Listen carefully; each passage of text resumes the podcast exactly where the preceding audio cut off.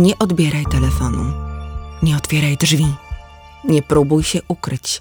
Przede wszystkim nie krzycz. W przeciwnym razie zginiesz z ręki zamaskowanego mordercy polującego na młodych ludzi w dotychczas spokojnym, wręcz sennym miasteczku. Rozpoznajecie tę historię? Nawiązuje do filmu Wesa Cravena pod tytułem Krzyk. Przedstawię wam dziś mordercę, którego zbrodnie zainspirowały scenarzystę do stworzenia tej filmowej opowieści.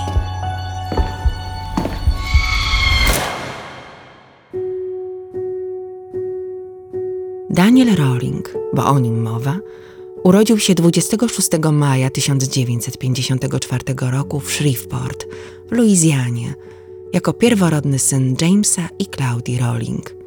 Rzadko skupiam się na postaci ojca, jednak w tej historii odegrał on ogromną rolę, wpływając na ukształtowanie niepokojącej osobowości chłopca, przyszłego sadysty i seryjnego mordercy.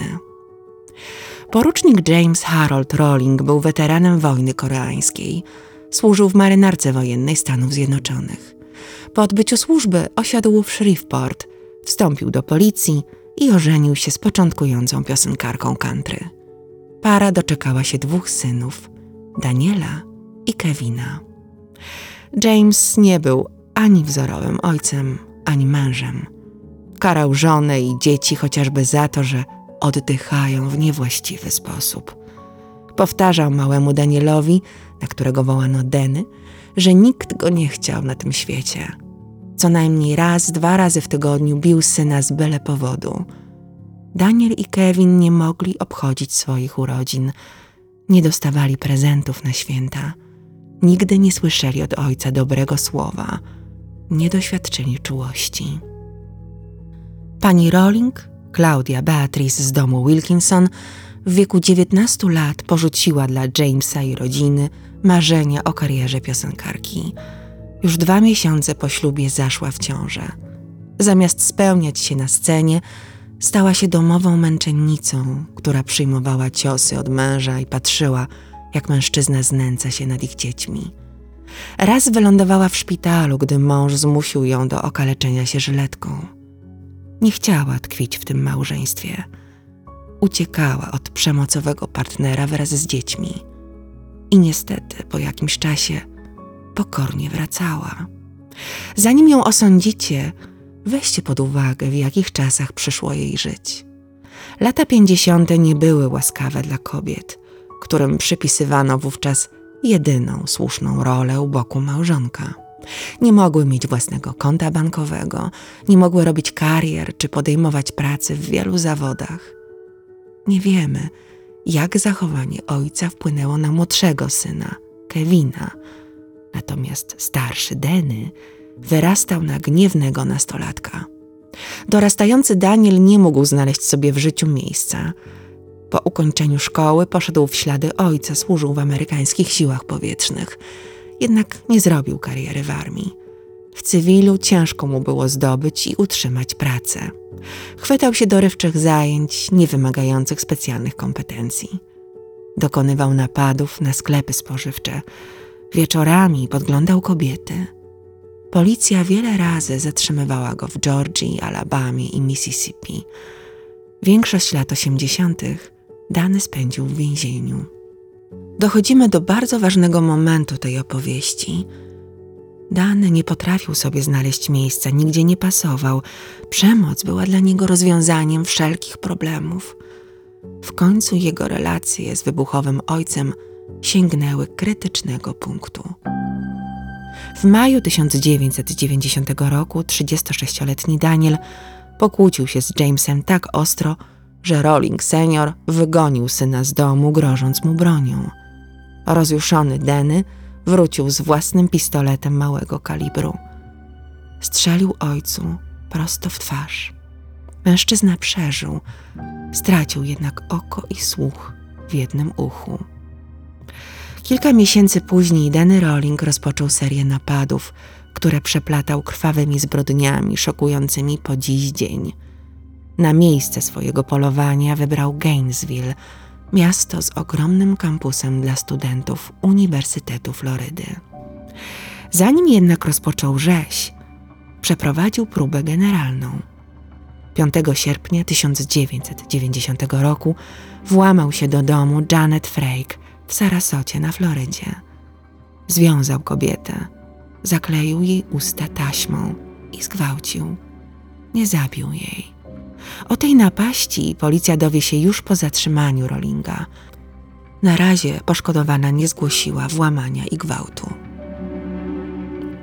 Nocą w piątek, 24 sierpnia 1990 roku, Rowling dostał się do mieszkania poza kampusem, które wynajmowały dwie studentki pierwszego roku.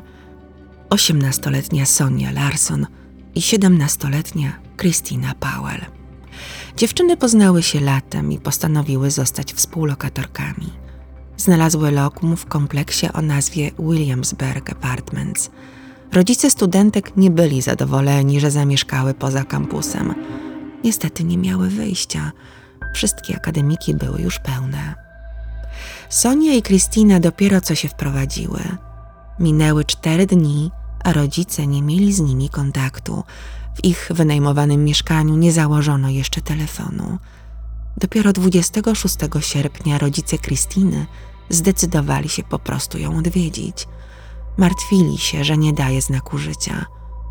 Kiedy do niej dotarli, rzeczywiście już nie żyła. Ale po kolei. Jak wspomniałam, Rowling wkradł się do mieszkania w nocy 24 sierpnia. Na parterze dostrzegł śpiącą na kanapie Kristinę. Nie obudziwszy jej, stał nad dziewczyną, przyglądał się i poszedł na piętro. Na górze spała śliczna, długowłosa Sonia. Deny zakleił jej usta, by nie zaczęła krzyczeć, gdy się obudzi. Dźgnął ją nożem bojowym typu K-bar. Dziewczyna walczyła, próbowała odsunąć od siebie napastnika. Niestety był silniejszy. Nie przeżyła ataku. Morderca zdjął z niej ubranie, rozczesał jej włosy i położył ją z powrotem na łóżku, tak, że stopy miała na podłodze. Następnie zszedł na parter. W podobny sposób zakleił usta taśmą śpiącej Kristinie. Skrępował nadgarstki za plecami. Grożąc nożem, zrywał z niej ubranie. Zgwałcił nastolatkę, położył na podłodze twarzą do dołu i dźgnął ją pięć razy w plecy. Obydwa martwe ciała umył i upozował, w wyzywających seksualnie pozach. Usunął taśmę z ich skóry, wziął prysznic i po prostu poszedł. Dwa dni później rodzice Krystyny dobijali się do drzwi mieszkania zamkniętego od wewnątrz. W końcu poprosili o pomoc pracownika obsługi apartamentowca. Ten zadzwonił na policję. Wszyscy czekali na przyjazd policjantów. Gdy po kilku minutach dotarli, pracownik wyważył drzwi i wszedł do środka. Za nim podążyła menadżerka nieruchomości i policjant. Mężczyzna, jak tylko zobaczył, co się stało, uciekł z krzykiem: O mój Boże! i zwymiotował na oczach przerażonych rodziców Christine. Trudno nawet sobie wyobrazić, co wtedy musieli czuć. Morderca odebrał obu rodzinom dziewczyny u progu dojrzałości, które miały całe życie przed sobą. Sonia planowała pracować z dziećmi, chciała zostać pedagogiem.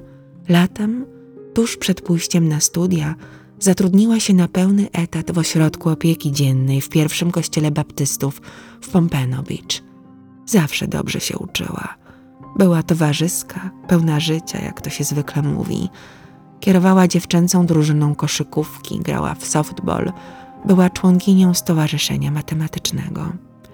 Po jej śmierci rodzice w jej pokoju zostawili cedrową skrzynię nadziei.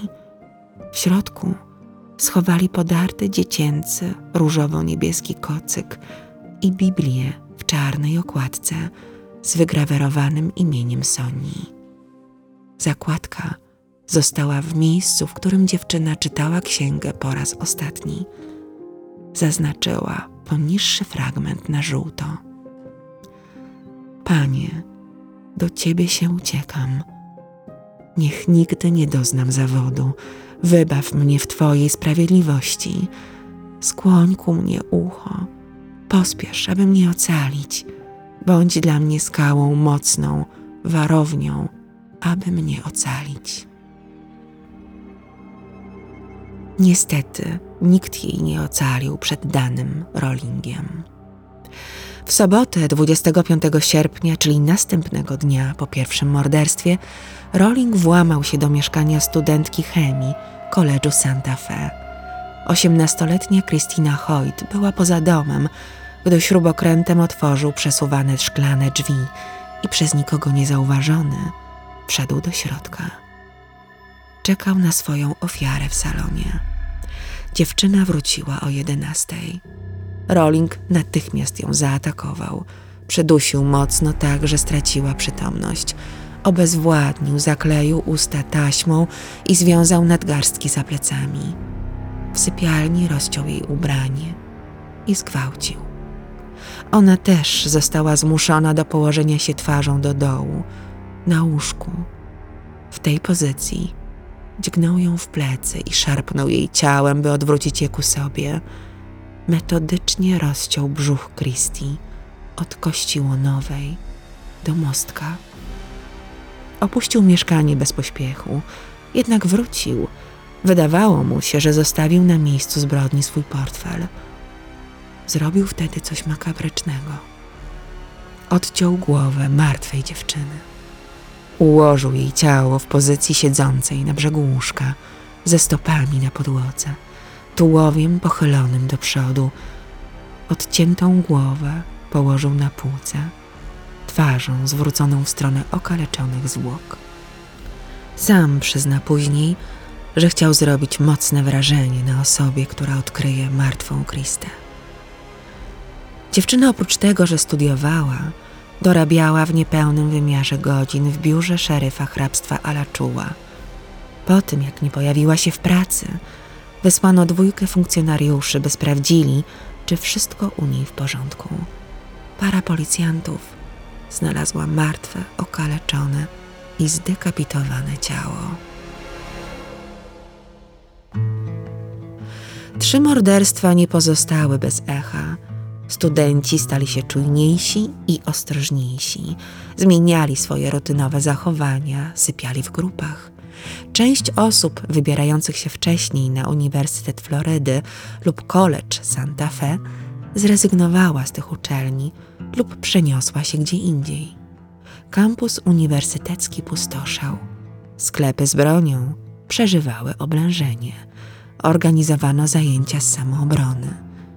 Młodzi ludzie czuwali na spotkaniach modlitewnych, organizowali wiece, dzwonili zaniepokojeni do swoich rodzin, a policja intensywnie prowadziła śledztwo. Istniało poważne ryzyko, że zabójca uderzy ponownie. Para 23-latków, piękna Tracy Ines Pauls i Manuel Ricardo Taboada byli bliskimi przyjaciółmi od czasu liceum. Gdy podjęli naukę na tej samej uczelni, postanowili zamieszkać razem w pobliżu kampusu w kompleksie Gatherwood Apartments. Przystojny i wysportowany Manuel, napastnik w drużynie amerykańskiego futbolu, marzył o pracy architekta. Nie miał jednak pieniędzy na studia. Sześć lat wcześniej zmarł mu ojciec, Chłopak musiał szybko nauczyć się odpowiedzialności i zarabiać na siebie. Niedawno przeniósł się do koledżu Santa Fe z Miami. Wieczorami i nocami pracował jako barman. W końcu przyjęto go na architekturę na Uniwersytecie Florydy. Miał jednak spore zaległości, dlatego latem brał udział w dodatkowych zajęciach cztery godziny dziennie przez pięć dni w tygodniu. Danny Rolling włamał się do mieszkania Tracy i Maniego w poniedziałek, 27 sierpnia. Zrobił dokładnie to samo, co poprzednio. Śrubokrętem otworzył przesuwne szklane drzwi. Gdy wszedł do wewnątrz, obudził się Manuel. Mężczyzna stoczył z intruzem walkę na śmierć i życie, którą niestety młody człowiek przegrał. Hałas obudził Tracy Kobieta poszła w stronę sypialni Maniego, zobaczyła włamywacza i natychmiast uciekła do swojego pokoju. Próbowała się zabarykadować. Rolling pokonał wszystkie przeszkody, niczym rozwścieczona bestia. Dopadł Tracy, zakleił jej usta i nadgarstki taśmą, pociął nożem ubranie i zgwałcił. Przewróconą na bok, dźgnął trzy razy nożem w plecy. Ciało Tracy zaciągnął do sypialni jej współlokatora i upozował je. Maniego zostawił na podłodze w pozycji, w której zginął. Ich zwłoki znaleziono następnego dnia. Rolling polował na kobiety. Manuel zginął przypadkowo. Uwaga mordercy skupiała się na białych, drobnych nastolatkach i młodych dziewczynach o brązowych oczach i długich, ciemnych włosach. Typ urody niepokojąco przypominający matkę Rollinga, poniewieraną przez męża na oczach dwóch synów. Denny wybierał mieszkania, do których był łatwy dostęp, na obrzeżach kompleksów apartamentowców, poza kampusem uniwersyteckim, które od tyłu wychodziły na zalesione tereny. Rolling po prostu znikał w gęstwinie. Myjąc zwłoki, szorując je mydłem i octem, starał się usuwać jak najwięcej śladów po sobie. Policja zdawała sobie sprawę, że zbrodni dokonał jeden sprawca. Modus operandi był specyficzny. Szef lokalnej policji, Wayland Clifton, nazwał zabójcę sprytnym, metodycznym. Stawiał na samotnego mężczyznę, który nadal przebywał według niego w Gainesville i jego okolicach. W śledztwo włączyło się FBI i stanowe organy ścigania. Sprowadzono dwóch psychologów kryminalnych, w tym samego Mindhuntera, Johna Douglasa, który wcześniej pracował nad sprawą Teda Bandiego. Mieli sporządzić profil psychologiczny nieznanego sprawcy. Nieco pod dyktando szefa śledczy wytypowali na mordercę dwudziestoletniego Edwarda Louisa Humphreya, studenta pierwszego roku Uniwersytetu Florydy. Niestety ulegli stereotypom. Obwiniali Humphreya, bo w widoczny sposób zmagał się z problemami psychicznymi. Edward jeszcze nie tak dawno był miłym nastolatkiem o blond włosach i pięknym uśmiechu. W liceum dobrze się uczył, grał w piłkę nożną, surfował z przyjaciółmi na falach u wybrzeży Florydy. Złamały go psychicznie śmierć ukochanego dziadka i trudny rozwód rodziców. Kończył szkołę średnią, zmagając się z wahaniami nastrojów i narastającą agresją. Przeżył również dwa wypadki samochodowe, które pozostawiły na jego twarzy trwałe, szerokie blizny. Lit, który był zmuszony brać, sprawił, że zmieniła się jego sylwetka. Wyglądał na opuchniętego. Kilka razy trafił do szpitala psychiatrycznego. Diagnoza? Choroba dwubiegunowa, posługując się dzisiejszą nomenklaturą. Wiele razy wzywano policję do jego domu. Wpadał w szał i wtedy nie liczył się z nikim ani z niczym. Niestabilna osobowość Edwarda stała się jego przekleństwem. Śledczy byli przekonani, że to wystarczyło, by dokonać morderstwa. W dodatku chłopak dobrze znał południowo-zachodnie dzielnice Gainesville, w których popełniono zbrodnie. Znaleźli się świadkowie, którzy widzieli młodego mężczyznę z bliznami na twarzy, snującego się w okolicy. Objęto Humphrey'a obserwacją. 30 sierpnia 1990 roku, cztery dni po znalezieniu pierwszych ofiar, Edward pobił swoją babcię. Policja czekała tylko na taki moment. Został aresztowany. Sędzia ustalił zaporową kaucję w wysokości jednego miliona dolarów. Młody mężczyzna miał spędzić, jak się okaże, kolejnych dziesięć miesięcy w areszcie. Jego stan psychiczny pogarszał się z dnia na dzień. Przysięgli nie zgodzili się na postawienie go w stan oskarżenia z braku dowodów. Jedyne, co śledczy przedstawili, to włos łonowy, podobny do włosów Humphrey'a, znaleziony na miejscu morderstwa i zeznania wspomnianych świadków. Policja uparła się, żeby coś na niego znaleźć. Przeszukano jego dom, znaleziono czasopisma o nożach, broni i magazyny dla mężczyzn. Humphrey nadal odbywał karę za pobicie babci, a tymczasem media miały używanie. Dziennikarze zrobili z niego mordercę, wydali wyrok, choć zdjęto z niego podejrzenia. Publikowano jego wizerunek z jednoznaczną sugestią, że był seryjnym mordercą.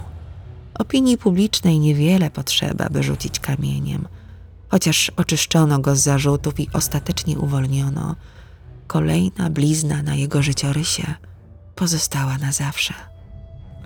Podejrzewano jeszcze drugiego mężczyznę, ale po jakimś czasie śledczy zrezygnowali również i z tego tropu. Tymczasem policja z innego stanu, z Luizjany, stała przed problemem nierozwiązanych morderstw trzech osób, których dokonano ostatniej jesieni w Shreveport, dokładnie 4 listopada 1989 roku. Tamtejsi śledczy na wieść o zbrodniach dokonanych w Gainesville skontaktowali się z władzami Florydy. Detektywów z obu stanów zaskoczyły podobieństwa. Wszystko wskazywało na to, że śledczy poszukiwali tego samego człowieka. 4 listopada 1989 roku w Southern Hills w Shreveport zamordowano 55-letniego Williama Thomasa Grissoma, jego 24-letnią córkę Julianne i 8-letniego wnuka Shona, bratanka Julie. Tom był zwykłym facetem, weteranem, pracownikiem firmy telekomunikacyjnej AT&T na stanowisku menedżerskim. Był rozwiedziony, żona wyjechała z nowym partnerem do Teksasu. Mieszkał z córką Julianne, która pracowała jako przedstawicielka handlowa w firmie odzieżowej. W listopadowy wieczór Tom z córką i wnukiem przygotowywali się do kolacji, gdy nastąpił atak. Cała trójka zginęła. Ciało młodej kobiety sprawca okaleczył, umył i upozował. Śledczy Don Maynes z Florydy pojechał do Shreveport rok po masakrze w listopadzie 1990 roku. Jak już mówiłam, obie zbrodnie były zbyt podobne, by zlekceważyć trop. Sprawca z Luizjany, dokładnie tak samo jak zabójca z Florydy, upozował ofiarę, zakleił jej usta taśmą, ciało oczyścił octem. W tamtym czasie jednak uwaga policji koncentrowała się na nieszczęsnym Edwardzie. Przełom nastąpił dzięki czujności pewnej mieszkanki Luizjany.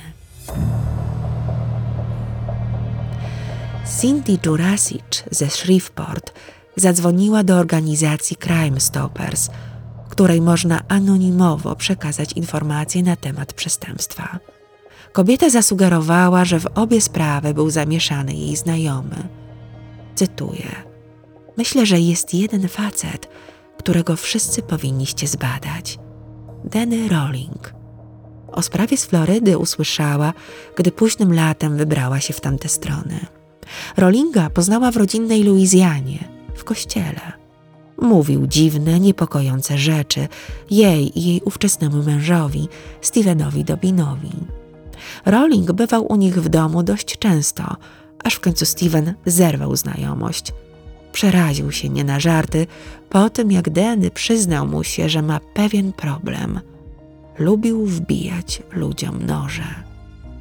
Inną wskazówką, która poruszyła wyobraźnię zgłaszającej swoje podejrzenia Cindy, była zapowiedź Rollinga, że kiedyś wyjedzie w słoneczne, gorące strony, gdzie pełno jest pięknych kobiet, które będzie mógł całymi dniami obserwować. Jej zgłoszenie nie pozostało bez reakcji policji. Śledczy namierzyli Rollinga. Od 7 września 1990 roku przebywał w areszcie za napad na supermarket Wokala na Florydzie. Siedział w więzieniu hrabstwa Marion, niedaleko Gainesville. Przestudiowano dokładnie jego akta. Okazało się, że mężczyzna wiele razy trafiał za kratki za napady z bronią w ręku.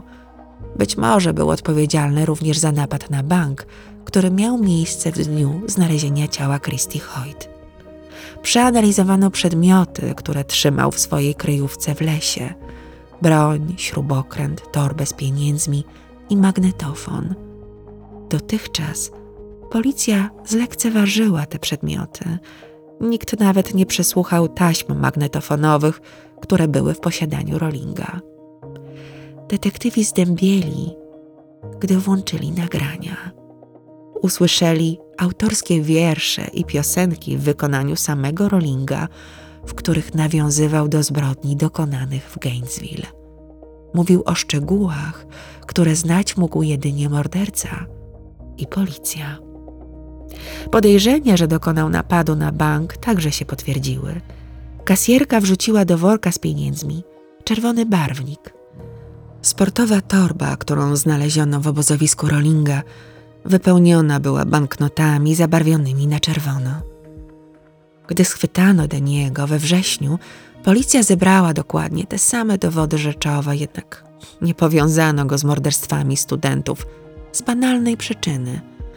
Miał przy sobie broń palną, której rozpruwacz z Gainesville nie użył ani razu. Badania DNA były wówczas jeszcze w powijakach.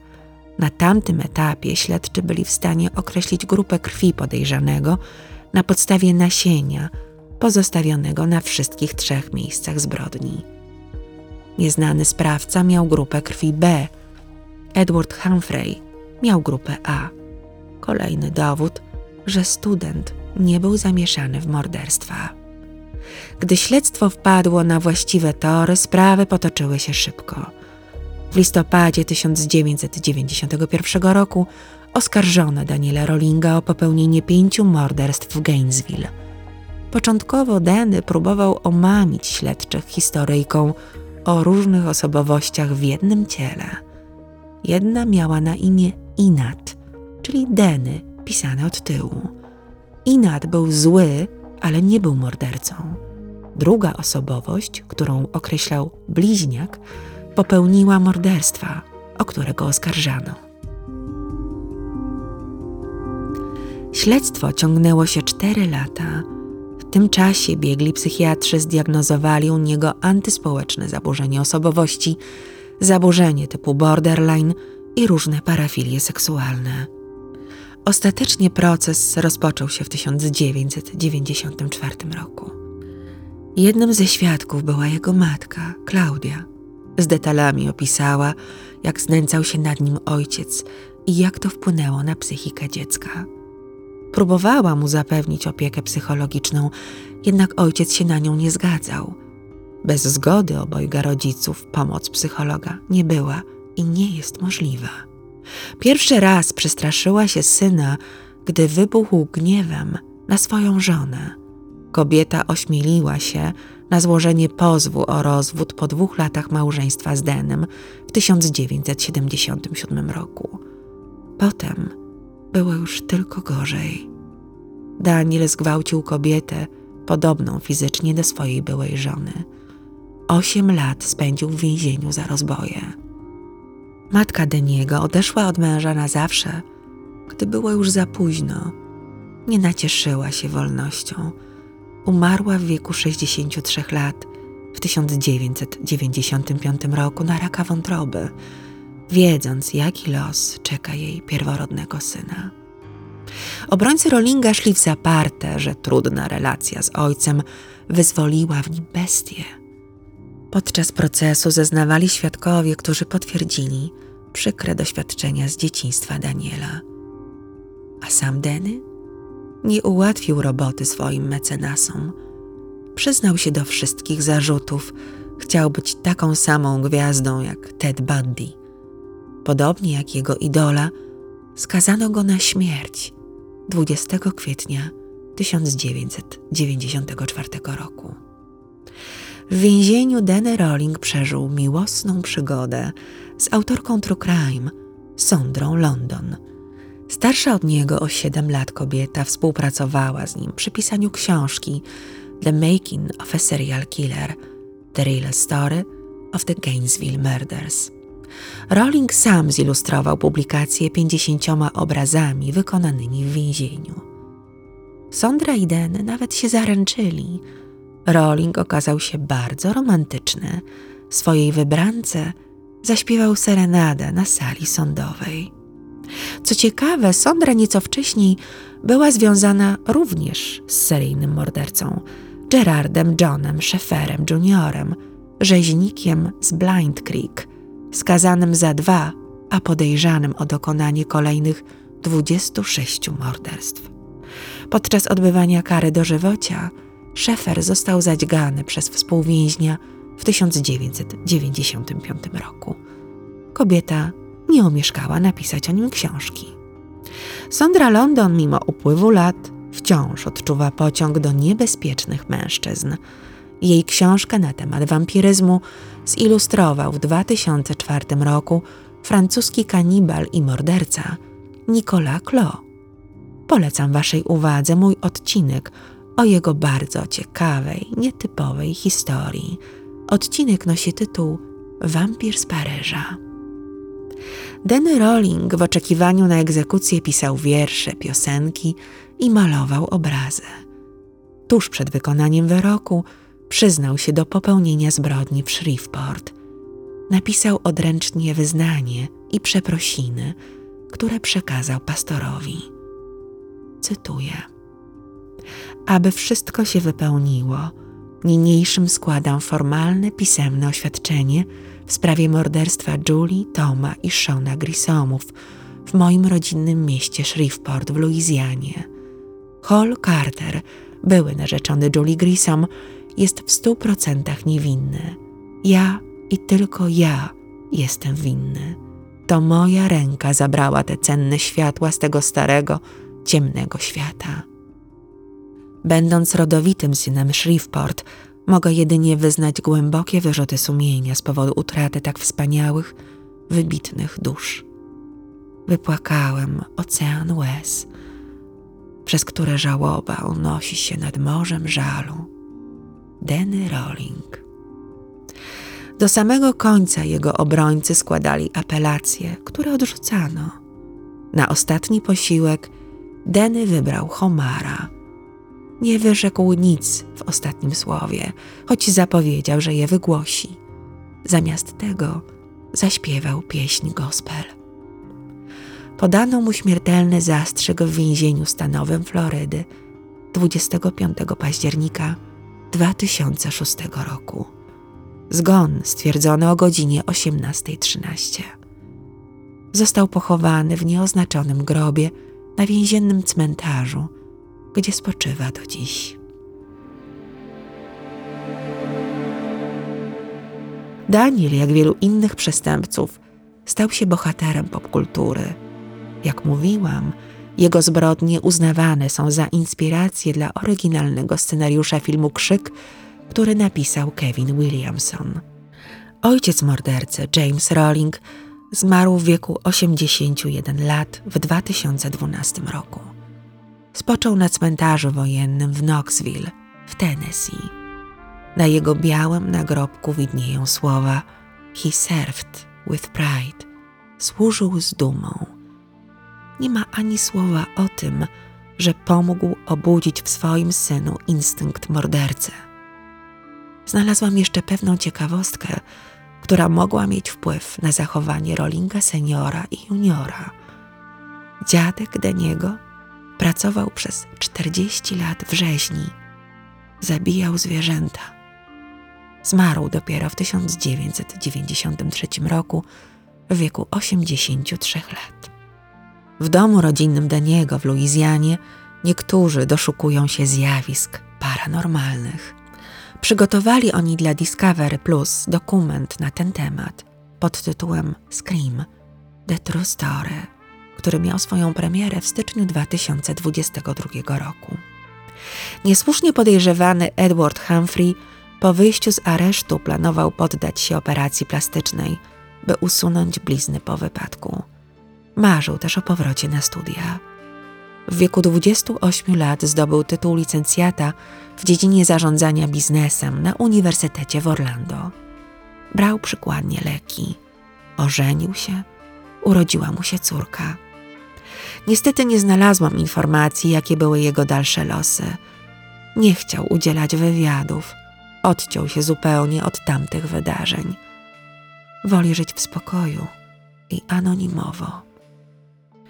Na odcinku drogi biegnącej przez Gainesville znajduje się mur pokryty graffiti upamiętniającym imiona i nazwiska pięciu ofiar Rollinga. Zabijając piątkę młodych ludzi, odebrał część życia także ich rodzinom. Zostawiam Was dziś z wieloma pytaniami, między innymi o zniszczone życie Edwarda, czy rzeczywiście zdołał podnieść się z traumy niesłusznego oskarżenia. On nie jest jedyny. Takich podejrzanych, którzy pasowali śledczym w różnych zakątkach świata, zapewne są tysiące. Nie skazano ich formalnie, ale ich otoczenie zwykle wydawało wyroki. Najbardziej zastanawia mnie postać ojca Deniego. Nigdy nie poniósł konsekwencji swojego okrucieństwa wobec rodziny. Pamięć o nim zniknęła w odmętach historii jego syna, którego nazwisko już zawsze będzie kojarzyć się z filmowym hitem Krzyk. Źródła, z których korzystałam przy przygotowaniu opowieści, to archiwalne materiały z NBC News, Washington Post, Tampa Bay Times i ABC News oraz opinie sądowe o zdrowiu psychicznym Rollinga. Cytat z Biblii pochodzi z Biblii Tysiąclecia, z Psalmu 31. Dziękuję za wysłuchanie tej opowieści. Mam nadzieję, że zostaniecie z tą historią i z pytaniami, które Wam podsunęłam.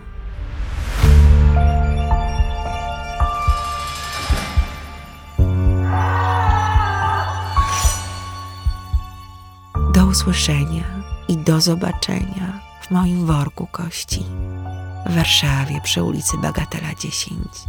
Renata z worka kości.